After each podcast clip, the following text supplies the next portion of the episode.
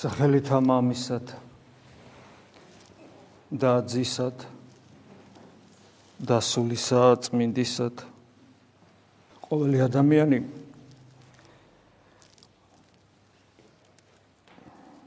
ვერ აღიქოვს რა საკუთარ თავს ვერ ხედავს. ეს დაცემული ბუნების თვის ერთგვარად ბუნებრივი მდგომარეობაა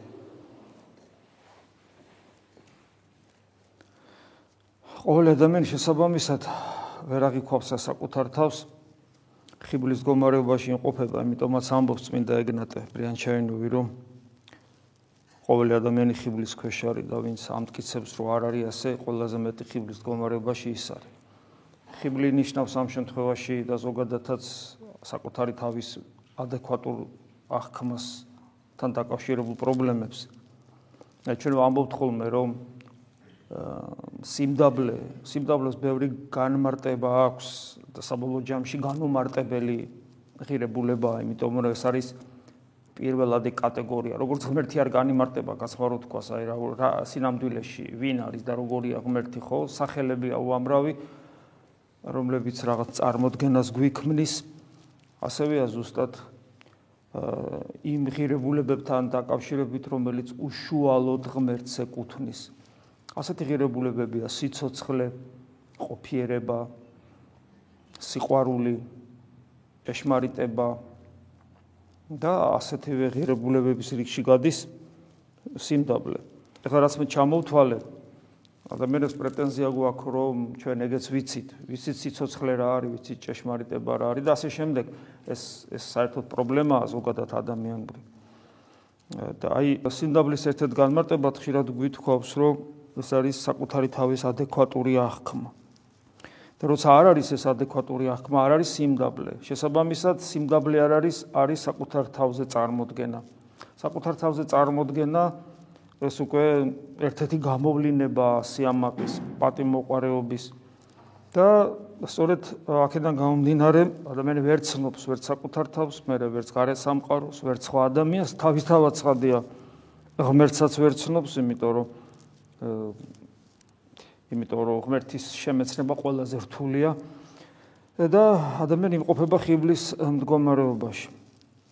ეს ნიშნავს იმას, რომ უფლის ეს სიტყვები, რომ სასუფეველში ჩვენი ყოფნა ღმერთის დახმარების გარეშე რომ შეუძლებელია, ის რომ ჩვენ ყველანი ცოდვილნი ვართ, ანუ აცდენილი ვართ ღმერთს, ამის გაგებას და ამის დანახვაც, რა თქმა უნდა, ადამიანს არ შეუძლია. ამიტომაც არის რომ ერთ-ერთი მთავარი პრობლემა რაც უფალს ქონდა ჭეშმარიტი სარწმუნოების მატარებელ ერთან. ვიღაცასთან ხო არა, ათეისტებთან ხო არა. წარმართებთან ხო არა. არამედ ჭეშმარიტი სარწმუნოების მატარებელ ერთან, რომლებიც ფსალმუნებს კითხულობდნენ. მოსეს ხუთ ციგნოლს კითხულობდნენ, ცოცხალი ღმერთის რწმენა ქონდათ და ასე შემდეგ. ანუ აი ამ ადამიანებთან აქვს ურთიერთობა უფალს და ამ ადამიანებს ვერ აგებინებს, მათ არ ესმით, რომ ისინი ცოდვილები არიან. და ერთ-ერთი რის გამოც ისინი ბრაზდებოდნენ ქრისტესზე, სწორედ ეს იყო, რომ ჩვენ მონები არა ვართ, ჩვენ თავისუფლები ვართ და პლუს ჩვენ ცოდვილებიც არა ვართ. ანუ ეს ეს ეს დამოკიდებულება ქონდა და აქაც ჩანს კავშირი თავისუფლებასა და უცოდველობას, ცოდვასა და მონობას შორის. მაგრამ ეს მათ არ ესმოდათ.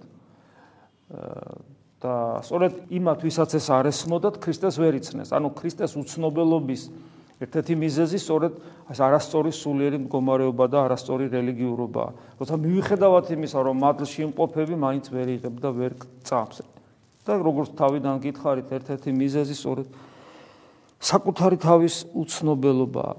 არადა ჩვენ ვიცით, რომ იესო მხსნელს ნიშნავს და მხსნელს ადამიანი მხნელის საჭიროებას თავად უნდა გრძნობდეს.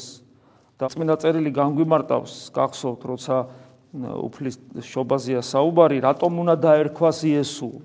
გაბრიელ თავარანგელოზი განმარტავს, იმიტომ რომ მან იხსნას უნდა კაცობრიობა ცოდვისგან. ანუ ცოდილობის განცდა, ანუ ღმერთისგან აცდენილობის განცდა, საკუთარი თავის დანახვა, რომ აცდენილი ვარ ღმერთისგან. ამის დანახ თან აქცდენილი ვართ იმგვარად რომ გამოვალ მდგომარეობაში ვიმყოფებით აი ამის სახსნელად მოვიდა ზუსტად იესო და იესო ამიტომაც ხსნელს ნიშნავს სწორედ ამისაგან. და შესაბამისად თუ ადამიანი ამას ვერ გძნობს მაშინ ბუნებრივია რომ მას არ აქვს არანაირი დუღარე გულმხურვალე სურვილი ხსნელის ძიების. და აი დღეს როცა ჩვენ სახარებაში ლუკას სახარება წავიკითხეთ, ვკითხულობთ კეთროვანის განმარტებას, როგორ ახასიათებს კეთროვანს. აი ნახეთ, აჰა კაცი სავსე კეთროვნებით, ანუ მთლიანად მოცული იყო კეთრით. მას არ ქონდა რაღაცა ნაწილობრივი გამოვლინება, რაღაც მთლიანად სავსე იყო კეთროვნებით, მთლიანად დაფარული იყო კეთრით. ანუ აბსოლუტურად უიმედო, აბსოლუტურად უიმედო მდგომარეობაში იყო. მკეთრი არ ინკურნება, აბსოლუტურად უიმედო მდგომარეობაშია. მას არანაირი იმედი არ აქვს, მაგრამ მიდის იგი უფალთან. ესე იგი, აი აქ ხედავთ, რომ აბსოლუტურად უიმედო მდგომარეობაში მყოფი ადამიანს, ადამიანს, რომელსაც არც მედიცინის იმედი აქვს, არაფრის, მხოლოდ ღმერთის იმედი შეიძლება კონდეს, სხვა არაფრის მიდის ქრისტესთან. ქრისტე არც ოფიციალურად არც მღვდელია, არც არაფერი, არც ლევიტელიც კი არ არის, ხო? აი უბრალოდ სახალხო მოძღვარია, რომელიც ადამიანებს ღვთის ჯულს ასწავლის ოფიციალურ სტატუსს ვამბობ. ანუ რატომ მივიდო ღმერთის იმედი რო აქვს ადამიანს, გასაგებია, ღმერთის წინაშე ლოცულობს. მე რა თქვა, ის შეიძლება ოფიციალურ ეკლესიაში მისულიყო სიტყვაზე, ხო? მაგრამ მას ეს ღმერთის იმედის აი ამგვარად რომ ეს ოფიციალურად მივიდეს ეკლესიაში იქ შესაძირავი შეიტანოს როგორც წესი იყო ძველ აღთქმაში და ძველი აღთქმის რიტუალში მონაწილეობა მიიღოს ან შეიძლება გაკეთებული აქ ეს ყველაფერი მაგრამ ამან არ უშველა და ასე შემდეგ ქრისტესთან მიდის როგორც ღმერთთან, იმიტომ რომ ყველამ ძალიან კარგად იცოდა, როგორც აი დაბადებიდან ბრმა არ განიკურნება, როგორც 4 დღის მკვდარი არ აღდგება ღმერთის ჩარევის გარეშე, ესე სავსე კეთროვანებით სავსე ადამიანი არ განიკურნება ღმერთის გარეშე და აი ამ რწმენით რომ ღმერთის გარეშე არ განიკურნება მიდის იესო ქრისტესთან და ეუნება რომ შენ თუ გინდა შეგიძლია ჩემი განკურნება და აქაც რა საოცრებას ავლენს ერთის ხრივ მისი ქრისტეს სადმი როგორც ღმერთის სადმი რწმენა შეგიძლია შენ ამის გაკეთება. იმიტომ რომ შენ ისახარ, ვისაც ეს შეუულია, ანუ შენ ხარ ღმერთი და თან თუ გინდეს, ან თუ გინდა, მორჩილებასაც ავლენს. ხო და ეს სავსე კეთროვანებით სავსე ადამიანი სულიერი თვალსაზრისით, ხო რა თქმა უნდა ჩვენა ვართ. ჩვენა ვართ ეს კეთროვანებით სავსე ადამიანი და ჩვენ ვიცით რომ კეთროვანი განაც ცოტა იყო ისრაელში მაშინ ეს დაავადება სამწუხაროდ არც ისე იყო. თუნდაც 10 კეთროვანის მაგალითი გვახსოვს, როდესაც 10-ვე განიკურნება მხოლოდ მადლიერი ერთი ერთი დარჩება მადლიერი და ის ერთი ერთი აკეთებს აი ამ ის ერთი ხედავს იმას, რასაც ეს ერთი კეთროვანი ხედავს, იმ 10-დან ერთი ხედავს იმას, რასაც ეს ერთი ხედავს, რომ მათ წინაშე ღმერთი დგას, ანუ რწმენა, ცოცხალი რწმენა ენიჭება. შეიძლება არა ბოლომდე გაცნობიერებული, შეიძლება არა ბოლომდე გამოთქმადი, მაგრამ ინტუიციურად, აი როგორც მოციქულებს ქონათ, ზუსტად ამგვარი რა. ხოლო ეს კეთროვანება სულიერი თვალსაზრისით თითოეულ ჩვენგანს ჭირს. აი ეს არის ის აცდენა, აი როგორც ამ შემთხვევაში აცდენილი ჯანმრთელობისგან თან შეუქცევლად არც აცდენილი უპერსპექტივოთ აცდენილი არანაირი შესაძლებლობა რო არ აქვს ამ ადამიანს რომ გადარჩეს განიკურნოს ხორციელად, მთლიანად დაფარულია კეთრით, მხოლოდ ღმერთი თუ უშველის და აი ზუსტად ჩვენი მდგომარეობა სულიერი თვალსაზრისით ამგვარად არის განსახილველი. ჩვენ თუ იესო ქრისტეს ღმერთობის აღსარებელნი ვართ. ჩვენ თუ ვართ ესეთები. იმიტომ რომ ხშირად ხო გეუბნებით მე მინახავს ეკლესიაში ადამიანი რომლებიც ადამიანები რომლებიც იესო ქრისტეს ღმერთობის აღმსარებელნი ვერ არიან თუ არ არიან ეს ეს უბრალოდ ეს ცალკე პრობლემა, თუმცა მე იმედი მაქვს, რომ ესეთი ადამიანები ნელა ნელა ნელა ნელა მცირდებიან საქართველოს მართლმადიდებელ ეკლესიაში, იმიტომ რომ თავიდან უფრო მეტნი იყვნენ, ეს გაუნათლებლობის ბრალიც იყო, ეს რელიგიური გზნობების დაკმაყოფილებისათვის მოსული ხალხი იყო და არა ქრისტესათვის, ქრისტესათვის უნდა მოვიდეთ და არა რელიგიური გზნობების დაკმაყოფილებისათვის, იმიტომ რომ ადამიანი რელიგიურ გზნობებს ყველგან დაიკმაყოფილებს, ამისათვის მას ეკლესია საერთოდ არ ჭირდება. და ასეთი ხალხი ნელა-ნელა ფიქრობ უფრო მეტად და მეტად გამრავლდება. ყოველ შემთხვევაში იმედიანად ხო უყურებთ ჩვენ მომავალს, ჩვენი ეკლესიის მომავალს, ჩვენი სამშობლოს მომავალს, იმედიანად ხო უყურებთ. აი არ შეიძლება რომ ჩვენი სამშობლოს მომავალს იმედიანად აუყუროთ აი ამ ბოლო თვეებში რაც ხდება. უდიდესი უზარმაზარი განსასწრების წინაშე რო დგას თელი მსოფლიო. და ის საქართველოს რო ბეწვის ხიდიც კი არ არის, აი რაღაც უჩინარ ხიდზე რო გადის და არ გადავარდილა არც მარჯვნივ, არც მარცხნივ, ეს ხოლო და ხოლო არა, ესე ვთქვათ, ეს არის პირველ რიგში ღვთისწყალობა და მე მე ღვთისყალობაც ხო ჰაერიდან არ მოდის, უფრო სწორედ ღვთისყალობა ხო შემთხვევით არ მოდის, ვიღაცაზე, რაღაცაზე თქვა, ერზე, სახელმწიფოზე, ხო ღვთისყალობასაც ხო დატევნა ჭირდება, ხო? აი ესია, ხო, მზე ანათებს ქვასაც და ვარდსაც, ვარდის ბუჩქსაც და ვარდის ბუჩქი ვარდს გამოიღებს და ქვა არაფერს, ქვა არაფერს არ გამოიღებს, თუმცა მზე ორივეს დრო ერთნაირად ანათებს. ხო და ის ფაქტი, რომ ღვთისწყალობაა და აი მუჩინარ ხილზე გავდივართ ისე რომ ჯერ არ გადავარდნილად. აქ ხო ეთყობა ჩვენს ერში რაღაცა არის ის ინტუიციურად გაუცნობიერებლად, შინაგანი სიბრძნე, შინაგანი მ შინაგანი ღვთისადმი ჯანსაღი დამოკიდებულება პოტენციურად, პოტენციურად დღეს რომელიც შეიძლება ესე არ ულინდება, მაგრამ ხვალე გამოვლინდეს. ხო და აი თუ აი ამ ამ ამ კუთხითაც თუ შევხედავთ, ხო, რაღაც იმედი გეძლევა ადამიანს, რომ ეს ეს შემთხვევით არ ხდება, რომ ჩვენს ქვეყანაში სიმშვიდეა ჯერჯერობით ღმერთმა ქნას ასე იყოს ბოლომდე. არამედ ეს შემთხვევით კი არ ხდება რა თქმა უნდა ეს ღვთის წყალობა პირველ რიგში და ჩვენს ერში რაღაცა პოტენციის არსებობა რომელიც რა თქმა უნდა უპირველეს ყოვლისა სულიერი პოტენცია ანუ რას ნიშნავს სულიერი პოტენცია ქრისტეს სწორად დანახვის ქრისტესადმი სწორად ერთგულების პოტენცია რომელსაც ამდენი წელი ველოდებით, რომ გამოიღებს, გამოიღებს, გამოიღებს, ناقობს და ჯერჯერობით ვერ გამოგვიღია, მაგრამ რაღაცა თითქოს იმედი მოგვეცა. ხო და ეს ნიშნავს იმას, რომ ესე იგი ჩვენ იმედიანად უყურებთ ჩვენს ჩვენს მომავალს და აი ამ სულიერ ცხოვრებაში, სულიერ ცხოვრებაში სწორად წარმართვა შესაძლებელი შეიძლება იყოს უკვე და დაწყებულიც არის შეიძლება ეს პროცესი. ამიტომ დღეს მე ვფიქრობ უფრო მეტია ისეთი ადამიანი, იმ რაულდება და მრავლდება ესეთი ადამიანი, რომელიც ქრისტესათვის არის ეკლესიაში და არარელიგიური გზნობების დასაკმაყოფილებლად.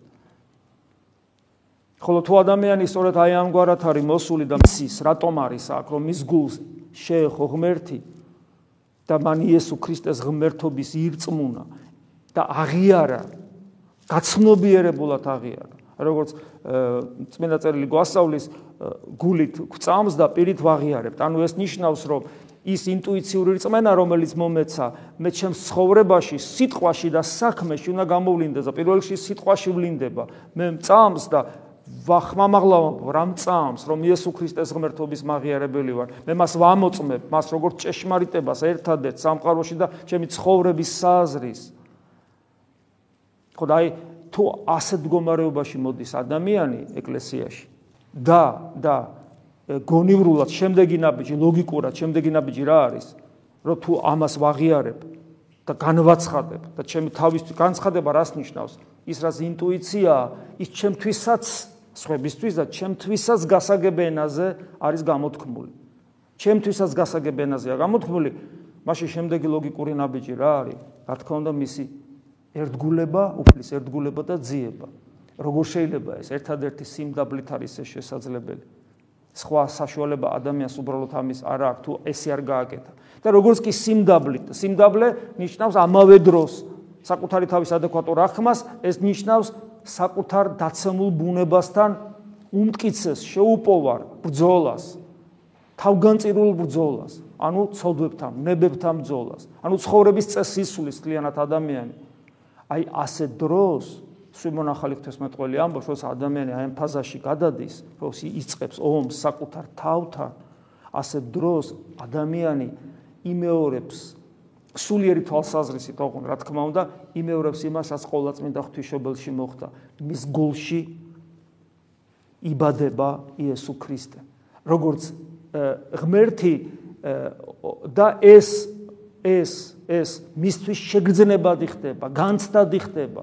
ადამიანს აქვს საფრთხო ენერგიის განცდა საკუთარ თავში. მასთან ერთად, რა თქმა უნდა, სულიწმინდა ღმერთი, სულიწმინდა ღმერთს მოაქვს საფრთხო ენერგია, რომელიც საერთოა მამისთვის და ძისათვის და ფაქტობრივად ყოვლადწმინდა სამების დამკვიდრდება იწება ჩვენს გულში, ხდება გულის განწმენდა, რაც მეტად განეწმენდება გული, მით მეტად და მეტად კვიდრდება ჩვენში ღმერთი. და თქმა უნდა, ასეთი ადამიანის ცხოვრება მთლიანად იცვლება და აი სწორედ კეთროვანებისაგან, სულიერი კეთროვანებისაგან განკურნება ამას გულისხმობს, რომ ჩვენ ძველი ადამიანი ვიყავით. რატომღაც მოხდა წყალობა ღვთისა, სასწაული, შევხვდით იესო ქრისტეს გულის მიერ და ჩვენმა გულმა მიიღო იგი როგორც ღმერთი. მერე ჩვენ ეს ვაღიარეთ.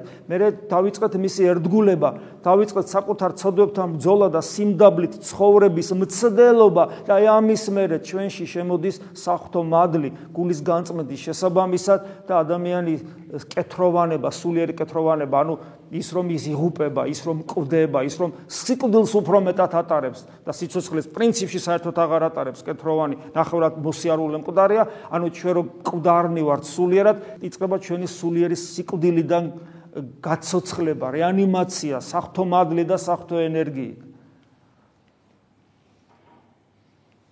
სიმდაბლით უკვე თუ გნებავს უფალო და უფალი ამბობს მე მნებავს და დიახ უფალს ნებავს ჩვენი არა თუ გაანკურნება არამედ ჩვენ მეგობარს გვიწოდებს შვილს გვიწოდებს ძმას გვიწოდებს და სურს სადაც თვითონ არის როგორც ადამიანიც მარადიულად ჩვენც იქ ვიყოთ. მაგრამ რა თქმა უნდა ეს ესე უცებ არ მოხდება.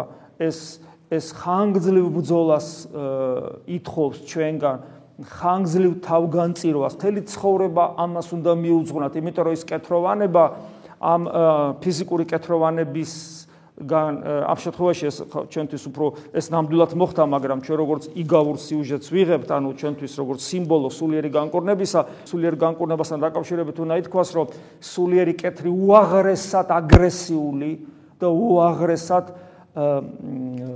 დინამიურია ჩვენს საწინააღმდეგო. ამიტომ მასთან ბრძოლა არის ძალიან მნიშვნელოვანი და ძალიან რთული ერთდროულად. ის მუდამ ცდილობს, რომ ჩვენ მოგვატყილოს. რა თქმა უნდა, ის ის ეშმაკთან ერთად მოქმედებს, იმიტომ რომ ეშმაკის მსგავსია და ადამიანი ვეღარ იგებს ეშმაკი მოქმედებს მასში თუ თავის დაცემული ბუნება მოქმედებს. მისი აზრია თუ დემონური აზრია, მისი გულის თქმა თუ დემონური გულის თქმა, თუმცა მორწმუნე ადამიანი ამის გარჩევას უკვე იწყებს. და როდესაც საფრთხო მადლი იწყებს დამკვიდრებას ჩვენში, არა რელიგიური გზნობები. რელიგიური გზნობები შეიძლება იყოს მატყუარა. რელიგიური გზნობები ნებისმიერ რელიგიაში არსებობს, ათეისტსაც აქვს რელიგიური გზნობები, რომელიც მის ფსიქოსომატიკაში ავლენს თავს, ხან ცრემლით, ხან სიხარულით, ხან ეგზალტირებულებით და ასე შემდეგ.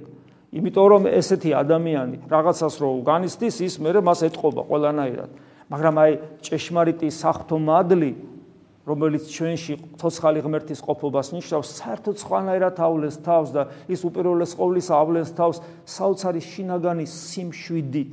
შინაგანი კომფორტით, მოდი ასე ვთქვათ, გარეგ შეიძლება საშინელად არაკომფორტული მდგომარეობა მქონდეს, ომი მქონდეს სამყაროსთან, მეგულისხმობ და ამ სამყა ამასოფლის სულს და საკუთარ თავს, მაგრამ და განსასწრებით, მაგრამ შიგნით საოცარი სიმყუდროა, იმიტომ რომ ღვთისნების აღსრულებელი ხდება ამ დროს ადამიანი და ღვთისნება არის მყუდრო ნავსაყუდელი, როგორც სისკრის ლოცვებში ვკითხულობ. სადაც ადამიანი საოცარ მყუდროებას, სიმშვიდეს განიცდის. მას არ აქვს შფოთი.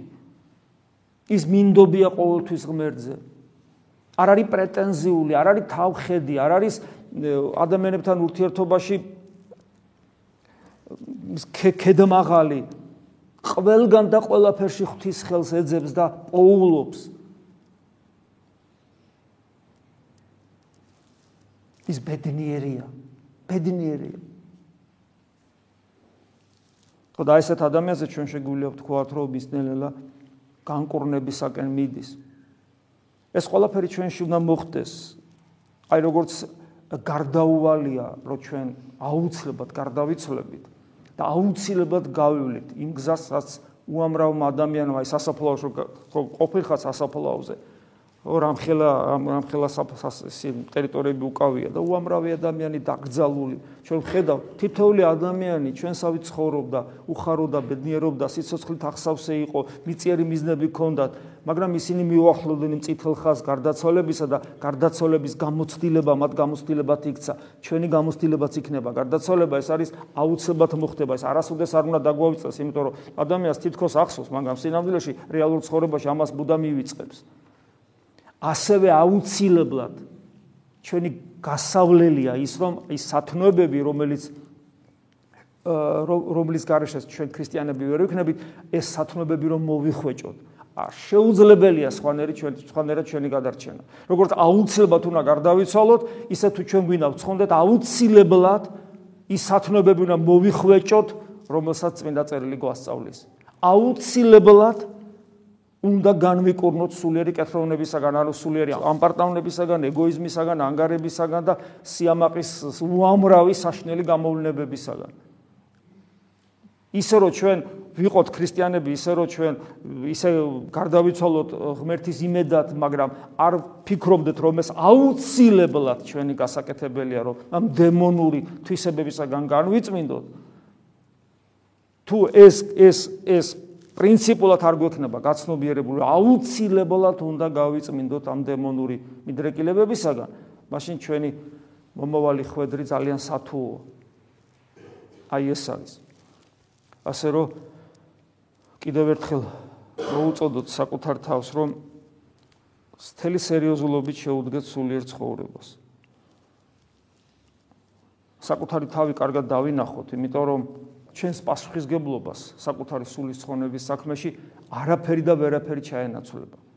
ვერავინ ვერ გვიშველის. ვერანაირი მოძღვარი ვერ გადაგვარჩენს. თავად უფალო მოვიდეს ხორციელად. ვერ გიშველით თუ საკუთარ სულის გადარჩენას პასუხისგებლობით არ მოეკიდებით. მე მესმის, რომ ჩვენ დაზიანებული ბუნება გვაქვს რა, ეს დაზიანებული ბუნება სხვადასხვა რამეში ვლინდება. ჯერ ერთი საშინელი გარემოა ჩვენ, აი არ ვიცი, უბრალოდ აი მუდამ აი ადამიანი რო აი მომწამვლელი აერით სავსე ოთახში შეიყვანო და ესე იგი უთხრა რომ შენ ახლა უნდა ცოცხალი გადარჩე როგორი გადასარჩენია? აი ეს ამასოფლის სული მომწამვლელი აირივით არის. სადაც არ უნდა გაიხედოთ სადაც არ უნდა გაიხედოთ. ბოლოს აი ეს ეს გვაქვს რა ყოველას ეს რომელიც ახლა მე აქ ჭირდება იმიტომ რომ თქვა სახარება მიდევს მაგრამ ესე იგი ყოველას ჯიბეში გვაქვს ტელეფონი, smartphone, რომელიც აი რომელიც ხელს გვიშლის, მოდი ესე ვთქვა, სულიერ ცხოვრებაში, იმიტომ რომ ეს გვაიძულებს, გვაიძულებს ამ სულ რო ჩაკეტილი იყო ოთხკედელში, ხო, გვაიძულებს, რომ ამას ოფლის სული მთელი ენერგიით იღრებოდეს ჩვენში. კატასტროფებით სავსე. ადამიანს ეშმაკი ეშმაკი ისვენებს. აი რო ამბობთ ხოლმე, რომ ეშმაკი შვებულებაში არ გადის. მე მგონი გავიდა შვებულებაში უკვე. არანაირი ეშმაკი აღარ ჭირდება. ადამიანს ყოველას ჯიბეში ყავს ესეთი ეშმაკი. თავად თავად ეს ტექნიკური მიღწევა კი არ არის ეშმაკი, არამედ ის როგორც მას ადამიანი იყენებს. და ადამიანი ყველაფერს სულად იყენებს. მეცნიერულ მიღწევებს, ატომის დაშლის ენერგია ეს ხო საოცრებაა, ხო? ფაქტურად ნებისმიერი ენერგეტიკული პრობლემა მოიხსნება. რისთვის იყენებს ადამიანი? აგერ გამოყენებულიც არის სამყაროში ეს უკვე ატომური ბომბი და ეხლა ერთმანეთს ემუქრებიან კიდე, ხო? აი ეს ყველაფერს ამისათვის იყენებს. დენთი გამოგონებული იყო საუკუნებით ადრე. ასწლეულებით ადრე ჩინეთში. და იყენებდნენ გასართობა და როგორც კი ცივილიზაციამ რაღაც ფაზას მიაღწია, ადამიანი უფრო გამზაკურდა, ადამიანი უფრო გაველურდა. უფრო ჰედონისტი გახდა და დაიწყეს ერთმანეთის ხოცვა, ეს დენთი გამოიყენეს ერთმანეთის მოსაკლავად, ანუ იარაღში. გარემო უმძიმესია. ჩვენ შხამში ვცხოვრობთ. და ამიტომ აქედან გადარჩენა არც ისე იოლია. ამიტომ მრავალი ჩვენგანი, მithumetes 21 საუკუნია ათეიზმის, ჩვენ ათეიზმი თქვენ არც მოსწრები ხართ ახალგაზრდები ათეიზმს, იმ იდეოლოგიურ ათეიზმს სავალდებულოთ რომ იყო საბჭოთა კავშირში, მაგრამ თქვენი მათი შვილები და შვილიშვილები ხართ, ვინც გამოიზარდა და ნუ ფიქრობთ, რომ თქვენ თავისუფალი ხართ ამ ყოველი უბედურებისაგან. ამას ემატება თანამედროვე ათეიზმი, ულტრალიბერალიზმის სახით, რომელიც არსობრივად იგივე ბოლშევიზმი, აი უბრალოდ ეხლა ამისთვის დრო არ არის და ან თქვენ ისტორიკოსები არ ახართ, მაგრამ რომ დოქტრინა ბოლშევიზმის დოქტრინა რომ ის საშნელი ბოლშევიზმი, რომ პირსისხლიანი არსებება არსებები რო იყვნენ და რომ საშინელებებს აკეთებდნენ და რომ შექმნეს დემონური სახელმწიფო, სადაც ადამიანები იდეოლოგიის წყალობით, დემონური იდეოლოგიის წყალობით თაობები გადაშენდნენ უღმერთოდ. აი ეს ბოლშევიზმი და თანამედროვე ეს ულტრალიბერალიზმი ზუსტად ერთ და იგივე სოფხედელობას ატარებს. ზუსტად. ერთადმა ჩემმა ახლობელმა მოსწრებულად თქვა ეს თანამედროვე ეს ულტრალიბერალიზმი არის იგივე ტროცკიზმი. ეს მით ყველაფერი ღირებულებები უნდა დაიშალოს. ჩვენ ამ გარემოში მთელი სამყარო ესეთია, ვერსად ვერ დაემალები ამას. და ეს ყველაფერი მოქმედებს ჩვენს ღვთის ხატობასა და მსგავსობაზე, ღვთის ხატად და მსგავსად შექმნილ ადამიანს აწყლულებს, აზიანებს, ესე იგი ყველანაირად სულიერად, ფსიქოლოგიურად, ინტელექტუალურად და რაც დრო გადის უფრო და უფრო მძიმდება სიტუაცია. შესაბამისად ადამიანები რაც დრო გადის უფრო და უფრო მოწყვლადი ხდებიან, მათი ნერვული სისტემა მოწყვლადი ხდება, ინტელექტუალურად ბეჭავდებიან. ფსიქიკა რა დღეშია? და ვიღაცებს კი არა, ყველას და მათ შორის თქვენ, მე, თითოეულ ჩვენგანს. და მესმის რომ ასეთ მდგომარეობაში მოითხოვ ადამიანისგან ქრისტეს დაემსგავსო, თითქმის შეუძლებელს ითხოვ. მაგრამ მაგაზე არ ვსაუბრობ ამდენი ხანი და კეთროვანების ამ გაწმენდა შეუძლებელი რო არის ამაზე არ ვსაუბრობ. დიახაც შეუძლებელია ეს ადამიანური თვალსაზრისი. შეუძლებელია. კომპლექსებით სავსე ვარ თითოული ჩვენგანი. ბავშვის აღზ ყველაზე თუ მაგალითად მეცნიერ ყველაზე რთული მეცნიერება რომელი ადამიანმა რო თქვას ყველაზე რთული მეცნიერება არის ბავშვის აღზრდა არ არსებობს ბავშვის აღზრდაზე უფრო რთული მეცნიერება, იმიტომ რომ ბავშვი უნდა აღზარდო სრული თავისუფლებით, მას თავისუფლება არანაირად არ უნდა შეუზღუდო, მაგრამ არა არა თავნებობი და თვითნებობი და როგორ უნდა მოახერხო ეს შობელმა, რომ ბავშვი სრული თავისუფლებით ისე აღიზარდოს, რომ თიბისი თავისუფლება მხოლოდ სიკეთისკენ იყოს წარმართული, მე არ ვიცი ამის ამის ამის აკადემიები უნდა არსებობდეს და მაინც შეუძლებელი იქნება ეს ისეთი რთული საქმეა და ჩვენ ჩვენ ვინ გაგზარდა? ჩვენი შოულები გადასარევი ხალხია. მაგრამ თვითონ მათ თუ იცოდნენ ეს, რომ ბავშვის აღზრდა რა სირთულებს ქმნის და რა სირთულებს სირთულეს წარმოადგენს. ან ჩვენ როგორ გავზარდეთ ჩვენი შულები? ჩვენ ვიცით ეს საერთოდ რა ფენომენია. არადა საჭირო საკმარისია ერთი სიტყვა არასწორად წარმოთქმული ბავშვთან. და შეიძლება იმ ბავშვის ფსიქიკა სამუდამოდ დაკომპლექსდეს. ასე რომ მუდამ ჩვენს გარშემო სულ სულ ეს ხდება. ჩვენ ვართ დაკომპლექსებული ადამიანები ჩვენს დაკომპლექსებულ ბავშვებს ვზდით და ანუ თითოეული ჩვენგარის ნერვული სისტემა საშინლად დაზიანებულია. დიახაც ჩვენ გარდა იმისა რაც გენეტიკურად ადამიანისგან მოგდებს მეორეს ჩვენი თანამედროვე ცივილიზაცია ყოველ შემთხვევაში ბოლო 1 საუკუნე მაინც შეიძლება მეტიც საშინლად მორღვეულია იმ ღირებულებების თვალსაზრისით, რომელიც რომელიც ქრისტიანულმა კულტურამ თუნდაც ჩვენ ქვეყანაში საუკუნეების განმავლობაში დაამკვიდრა და შესაბამისად ჩვენს გენეტიკურ დაზიანებულ კოდს, რომელიც ადამიანიდან მოგდებს, ემატება ის ის თანამედროვე გარემო, რომელიც გვაზიანებდა და ჩვენ შვილებს და შვილიშვილებს და ყოველას აზიანებს. აი ამ მდგომარეობაში, რა თქმა უნდა, გამოუვალ სიტუაციაში ვარ, მაგრამ კიდევ ერთხელ ვიმეორებ. თუ მოხვედი აქ, და თუ შენმა გულმა იესო ქრისტე ღმერთად იცნო. შენ თუ აღიარე იესო ქრისტე და ცდილობ მას უერთგულო მიბაძო და მიემსგავსო. აი აქ უკვე პასუხისგებლობას ტვირთულობ გწამს რა რომ შენ გასაკეთებელს რასაც შენ ვერ აკეთებ ქრისტე აკეთებს და ის ამბობს მნებავს და განიწმინდე.